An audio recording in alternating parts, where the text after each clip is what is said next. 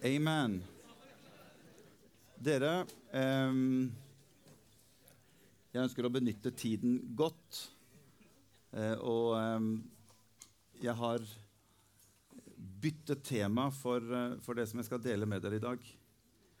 Jeg kommer ikke til å dele del fem rundt det som har med nådegaver å gjøre. Jeg eh, blei mer og mer urolig utover uken. Og eh, satt på fredag med nådegaver og utpå fredag kveld med nådegaver. Og jeg, jeg kjente at det, dette her har jeg ikke det, det, er andre ting som er Er det litt rar lyd i mikrofonen min? Det er ikke meg. Jeg spiste grei mat i går kveld, så det har ikke noe med inntak av mat å gjøre.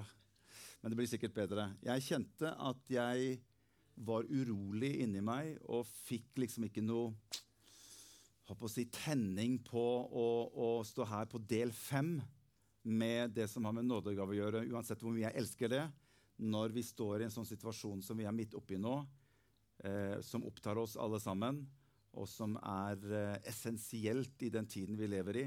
Så jeg måtte meddele med pastorene mine i, eh, i går og sa du, at jeg, jeg kan ikke ta del fem i morgen jeg er nødt til å si noe rundt det som har med Israel å gjøre i dag. Um, derfor så snudde jeg på hæren i går klokken 13.00 og uh, tenkte at nå må vi samles om, og at dere får høre litt hva vi som kirke står for, hva vi som menighet står for, hva jeg som pastor og hovedpastor for denne kirken sier litt rundt disse tingene her. Det tror jeg er uh, viktig. Og, og, Derfor så ønsker jeg også å dele litt. Så jeg kommer til å lese en del som jeg har skrevet. Og det er rett og slett for at uh, det her er ikke sånn typisk sånn inspirasjonstema som du, som du, på en måte flyter litt på inspirasjon, men jeg ønsker å få levert det som jeg ønsker å dele med dere i, i formiddag. Og så vil jeg også si at Vi kommer til etterpå ha en liten stund hvor vi ber for og med Israel og i situasjonen i Midtøsten. Og vi kommer ikke heller til å ha en slags form for åpen scene hvor vi kan på en måte komme og eh, kommentere eller trekke fra eller legge til eller ha noen meninger rundt dette. Jeg deler noe av det som, som kirken vår står for rundt dette, og så skal vi heller be sammen etterpå rundt dette, sånn at vi er, eh, er obs på det. Er det OK? Bra. Og som du ser, så holder jeg disse her. De må på. Så jeg kommer til å lese litt i, i, som jeg har skrevet her. Er dere klare for det? Jeg ønsker bare å be en bønn før vi går inn i dette. Kjære Jesus, jeg bare ber deg om at du skal uh, være med oss i dette. Jeg bare ber om at det skal uh, være noe som du kan legge din ånd og din hånd på. Jeg ber deg for den som lytter også. Og vi takker deg for at du er kongenes konge og herrenes herre. Jeg har skrevet på plakaten her at Israel er i krig. For noen dager siden så erklærte Israel at de nå er i krig. Og dette er første gang på 50 år siden Jom Kippur-krigen i 1973 at Israel har erklært å være i krig. Så hva skjedde? Lørdag morgen 7. oktober klokken halv syv på morgenen så gikk det ca. 1500 terrorister fra 40 forskjellige steder inn i Israel fra Gaza. Og dette var i tillegg til flere tusen raketter som vilkårlig ble skutt inn over Israels territorium. Og det vi, det vi da fikk se, var ren ondskap. Kvinner, barn, gamle, syke, overlevende etter holocaust ble regelrett slaktet ned og drept på den mest brutale måte som er mulig. Noen ble tatt til fange og ført som gisler tilbake til Gaza. Dette er en terrororganisasjon som dessverre noen har hatt vanskelig med nettopp å uttale det det egentlig er en terrororganisasjon. Og Denne gangen så viste de virkelig sitt sanne ansikt. Det ble utvist en ondskap og en djevelskap som ikke har hør, noe med politikk å gjøre. Det har ingenting med vanskelige kår å gjøre, det har ingenting med fattigdom eller landområde å gjøre. Det var bare ren ondskap. I media i hele Israel blir 7. oktober nå sett på som den mørkeste dag i Israels nasjonale historie. Så jeg skal prøve å sette dette her litt sånn i kontekst i noen minutter. Og prøve å sette det litt i lys av Skriften og det profetiske ord. Og når jeg skrev det, så tenkte jeg at det hørtes ut som mange minutter, men jeg skal prøve å, å, å fatte det litt sånn i, i kontekst her. Mange sier at situasjonen i Midtøsten er så utrolig komplisert. Og når jeg tenker litt gjennom det, så har jeg skrevet at jeg er ikke så veldig sikker på det egentlig. Jeg tror du kan koke det hele ned til at den ene siden ønsker den andre siden død og bort. På den ene siden så har vi det jødiske folk, en jødisk stat, Israel. De ønsker å eksistere som en suveren og uavhengig stat som lever i fred. Men de anerkjenner også at palestinerne ønsker en egen stat og det kan virke på en måte som en slags form for ønske om også å leve i fred. Den tynne, lille stripen som dere har sett mange ganger på TV nå, Gaza-stripen, det er et palestinsk område. Og i motsetning til hva vi ofte hører på nyhetene, så hør Gaza er ikke okkupert av Israel. I 2005, da Ariel Sharon var statsminister i Israel, forlot Israel hele Gaza fullt og helt og gav Gaza over til palestinske myndigheter. Palestinske myndigheter valgte så Hamas til å styre Gaza-distriktet. Hør. De fleste palestinere og en del arabiske stater fornekter i utgangspunktet Israels rett til å eksistere. For dem er ikke Israel legitimt og har ingen rett til å eksistere i den delen av verden som de er. Og dette går egentlig helt tilbake til 1948. 14. mai ble Israel proklamert som en selvstendig nasjon. Og FN de ønsket egentlig en større landområde med en del til en aksepterte dette til arabisk stat. Israel gjorde det i 1948, men ingen av de arabiske statene gjorde det i 1948. Det som derimot skjedde, det var at dagen etterpå Altså Israel ble proklamert selvstendig 14. mai. Den 15. mai, dagen etterpå, gikk omtrent alle de arabiske naboland til angrep mot Israel for å knuse landet umiddelbart. Israel hadde vært en nasjon i ett døgn. Det var ikke noe organisert som noen militærmakt i det hele tatt. Men mirakuløst så overvinner Israel det voldsomme angrepet. Det samme skjer i 1967, da Egypts president Nasser ga sin armé lov til å gå inn, og som han selv uttalte det, uttalte det gå inn og ødelegge Israel. I tillegg til Egypt så koblet Syria seg på, Libanon, Irak og Transjordan seg i det samme angrepet. Israel overlevde også det angrepet. Noen måneder etter det angrepet samlet mange av de arabiske statene seg i Khartoum i Sudan og som et resultat av de møtene som de hadde sammen, så kom de ut med noe som de hadde selv bestemt seg for. Og det var de tre såkalte nei til all fremtidig kommunikasjon. Og Jeg har skrevet opp disse tre nei som de ble enige om, de arabiske statene. De sa nei til anerkjennelse. Dette var absolutte nei som de selv ble enig i. Nei til fred med Israel. Nei til forhandlinger med og rundt Israel. Altså Det er nei til anerkjennelse av en stat som heter Israel. Det er nei til fred. Vi, vi, forhandler ikke når det gjelder fred med Israel. Og det er nei til alt av forhandlinger med Israel. Så hva betyr dette? Eh, vi har hørt mye om Hamas de siste dagene. Hva er Hamas for noe? Hamas det er egentlig en islamsk motstandsbevegelse. Og I deres offisielle erklæringsdokumenter er det tre ting som de er veldig opptatt av, eller som er på en måte deres oppdrag. Det er jihad, altså hellig krig, først og fremst mot jøder. Det er jihad mot de kristne. Og du kunne også sette opp et globalt kalifat i resten av verden. Veldig mye samme tankegang som det Al Qaida og IS har hatt. Og hør, dette er mye av drivkraften i hva og hvem Hamas er. Jeg fant fram en erklæring som Hamas har. De har et charter. Og I en artikkel nummer 13 som de selv har, så kan du lese dette. Du skal få det fram på skjermen. De skriver som dette. Det er ingen løsning på det palestinske spørsmålet bortsett gjennom jihad. Altså bortsett gjennom hellig krig. Initiativer, forslag og internasjonale konferanser er alle bortkastet tid og forgjeves bestrevelser. Dette er det Hamas selv har i sine erklæringer. Så Derfor så er det ingen avtale når dette er utgangspunkt for kommunikasjon med disse. Israel har kommet til et punkt der de sier at nok er nok. Og Derfor så startet denne motaksjonen. Men de startet ikke angrepet. Det var Hamas som gikk inn i Israel og drepte for fote. Og Gjennom mange år og med flere statsministre i Israel så er det noen sånne uttalelser som jeg har lest som jeg synes er verdt å få med seg. Fra 1969 eller noe sånt nå. Så hun var også statsminister under Jum Kippur-krigen. Så hun var også statsminister under Jum Kippur-krigen i 1973. Hun, hun, skriver dette her. Se hva hun sa for noe.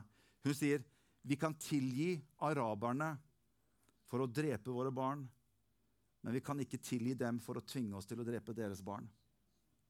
Vi vil kun oppnå fred med araberne når de elsker sine barn mer enn de hater oss. Det er sterke ord. For oss som har lest litt i Bibelen, så virker det som at alt har en tendens til å vende tilbake til dette egentlig lille, lille landet Israel. Det vender tilbake til Jerusalem. Dette landet som er mindre enn Troms fylke, som er på alles lepper og i alle medier, år ut og år inn. Se hva profeten Zakaria skriver i kapittel 12 og versen og løftet for alle folk. Alle som prøver å løfte den, skal rive seg til blods. Men alle jordens folkeslag skal samle seg mot til blods. Men alle jordens folkeslag skal samle seg mot henne. Bibelen forutsetter, og Bibelen skriver, at veldig mye vil dreie seg om Israel og Jerusalem imot slutten. Og Det er pga. at Israel på mange måter er Guds profetiske klokke.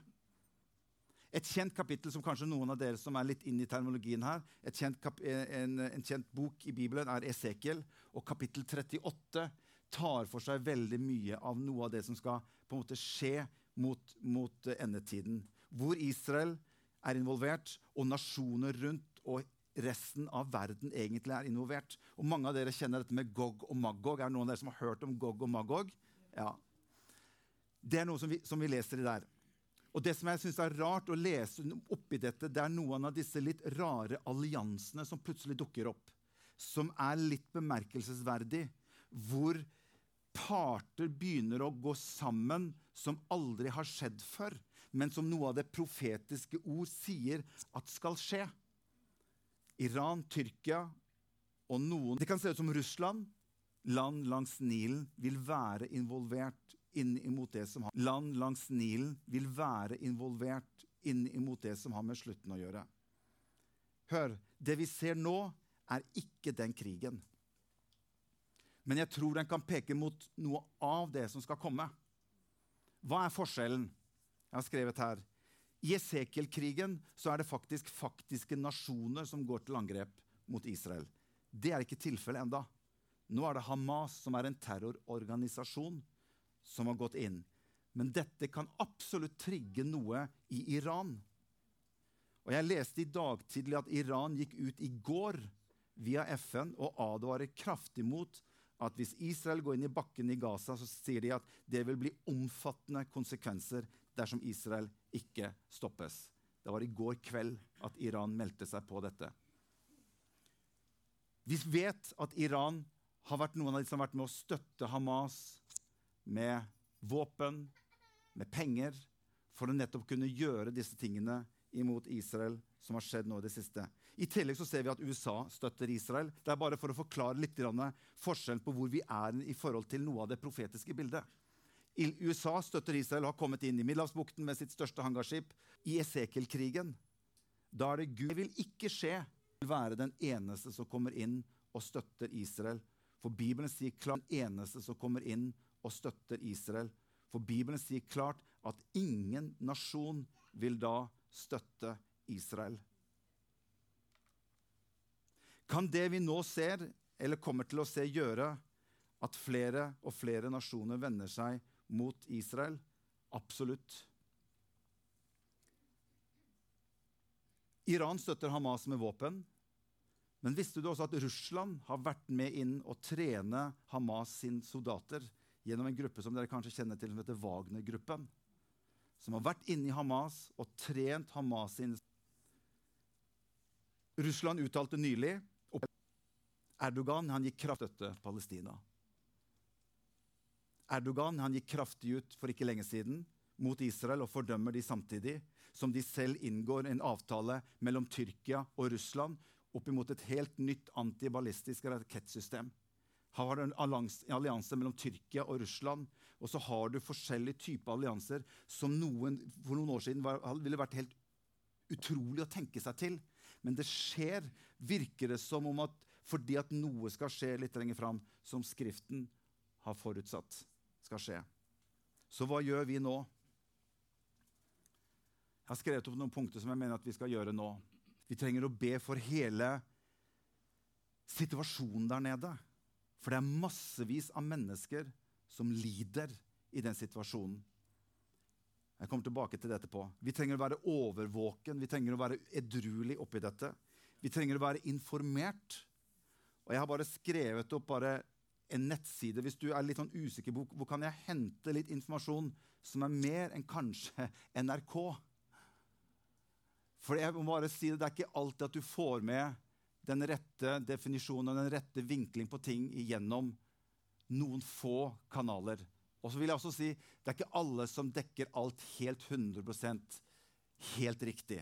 Men det kan være smart å ha noen flere kanaler som du og jeg henvender oss til. Så jeg har bare skrevet opp en, allisrael.com er en fin nettside. Og gå inn, Der har du masse informasjon. Da får du informasjon rett ifra Israel.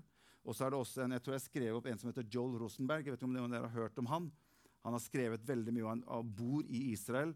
Eh, hvis noen av dere har TBN, så har de en veldig bra kanal inni TBN som tar opp en del av disse tingene som har med, med Israel å gjøre. Så min oppfordring til dere ikke hold deg bare til én kanal. Spre deg litt utover og ta inn informasjon fra flere. Og All Israel er en kjempefin eh, nettside som jeg selv bruker mye, og som er bra på en del av disse tingene her. Og så til slutt les Skriften. Les Guds ord. Og les hva som vi er i ferd med å gå inn i i de siste tider. Salme 121, vers 4 sier, Se, han blunder ikke og sover ikke. Israels vokter. Jeg har skrevet her at vi kommer til å bli testet om vi tør å stå for Israel i tiden fremover. Du vil bli utfordret på arbeidsplassen din. Du vil bli utfordret blant venner osv. For i det hele tatt antyde at du står sammen med Israel. Og jeg sier ikke at jeg står sammen med Israel i tykt og tynt i alt det.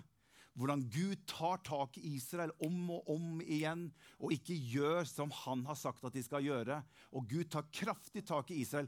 Men det, har, det er ikke noe med det. Det er Guds utvalgte folk. Det er, det er Guds øyensten. Det er hans utvalgte folk. Og hør, han støtter sitt folk. Er de perfekt? Absolutt ikke. Er du og jeg perfekt i forhold til vår frelse, da? Absolutt ikke. Du og jeg vi gjør en del ting vi også, som er galt og som ikke er riktig. Men Gud forkaster oss ikke for det. Men han har utvalgt deg og meg i Kristus, og han har utvalgt dette folket til å være sitt folk. Og han har til og med sagt til deg og meg at vi skal være med og stå sammen med dem og støtte dem. Det er ikke det samme som å si at alt det de gjør, er riktig. Men det har noe med at de er Guds folk, og vi ønsker å stå sammen med dem, og vi ønsker å be for dem, og vi ønsker å velsigne dem. Og hør, vi ønsker også å være med å be og velsigne alle de andre. Gud har ingen favoritter i forhold til hvem som skal arve frelse. Paulus var veldig klar på det at nå er det ikke lenger jøder eller greker. Trell eller fri. Vi er alle samme vei inn i Guds rike, og det går gjennom hans sønn Jesus Kristus, som døde for hele verden. Der må alle inn igjennom for å arve evig liv. Men du og jeg var blitt kalt til å være med å be og holde oppe disse ting. At Gud kan få lov til å komme inn og gi visdom og gi styrke og kraft til alle sammen. Og Jeg tror at antisemittismen, jeg tror jødehat og disse tingene, vil eskalere opp i kraftig fart i tiden fremover. Legg bare merke til hva som skjedde når Hamas hadde gått inn de første dagene. Feiringen over hele verden av en slags form for fryd over det som skjer, av ren ondskap. Jeg var helt sjokka at det var mulig i det hele tatt å danse på gatene over å se dette, for dette har ikke noe med politikk å gjøre. Og jeg må bare si en ting. Dere husker sikkert George Floyd, som, som to politimenn drepte i USA. Som, som, Black Lives Matter tok tak i. Jeg vet ikke om dere har sett det bildet som Black Lives Matter har, har eh, postet ut på sin egen side, hvor de har tatt bilde av en, en, en, en terrorist i, i, i, eh, som kom inn, Noen av de terroristene kom inn i hangglidere inn i, i, i, Israel. Og de har tatt bilde av det i sort og skriver 'Vi står sammen med palestinerne'. Altså Et bilde på ren ondskap bruker man til å, å, fortelle de rundt seg dette er det vi står for. Og dette kommer til å eskalere. Det må eskalere. Fordi at Skriften sier at det vil ende opp med at alle nasjoner til slutt kommer til å vende Israel ryggen. Det kan hende at det ender opp med at det blir oss som er kristne, som tror på Gud, som kanskje er de eneste som står sammen og sier at vi ønsker å støtte og be for Israel oppi denne situasjonen. Men det kommer til å koste. Tenk på hva Israel har overlevd, dere. Jeg skal gå mot avslutning. Du kan komme opp og spille litt, så skal vi be litt sammen etterpå. Tenk på hva Israel har overlevd. Helt fra 400 år i fangenskap. Total ødeleggelser flere bortføringer, 2000 år spredt over hele jorden, pluss holocaust under andre verdenskrig. Legg 1948-krig. Dette er en utrolig Og 1973-krigen også. For han som vokter Israel, han slumrer ikke, og han sover ikke. Og Legg merke til hva Jesus sier til sine disipler i Lukas kapittel 21 og vers 28. Så sier Jesus men når dette begynner å skje, sa han, da retter det opp og løft hodet, for da skal dere snart bli satt fri.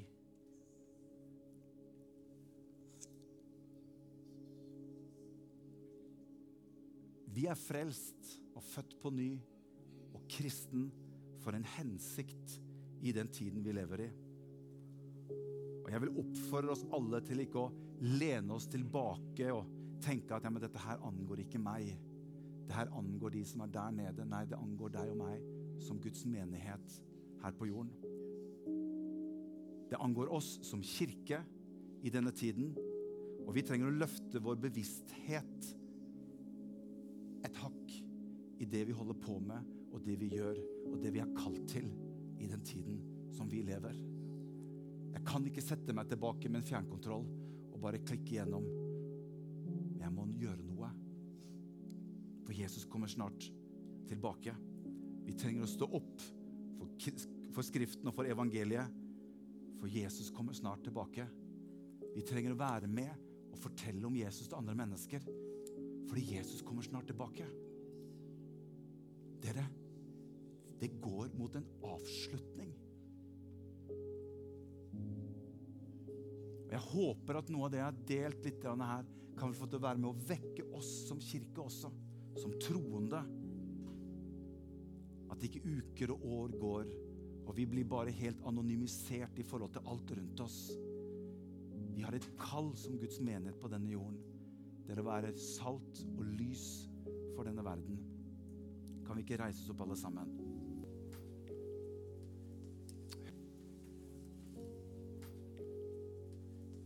Hør.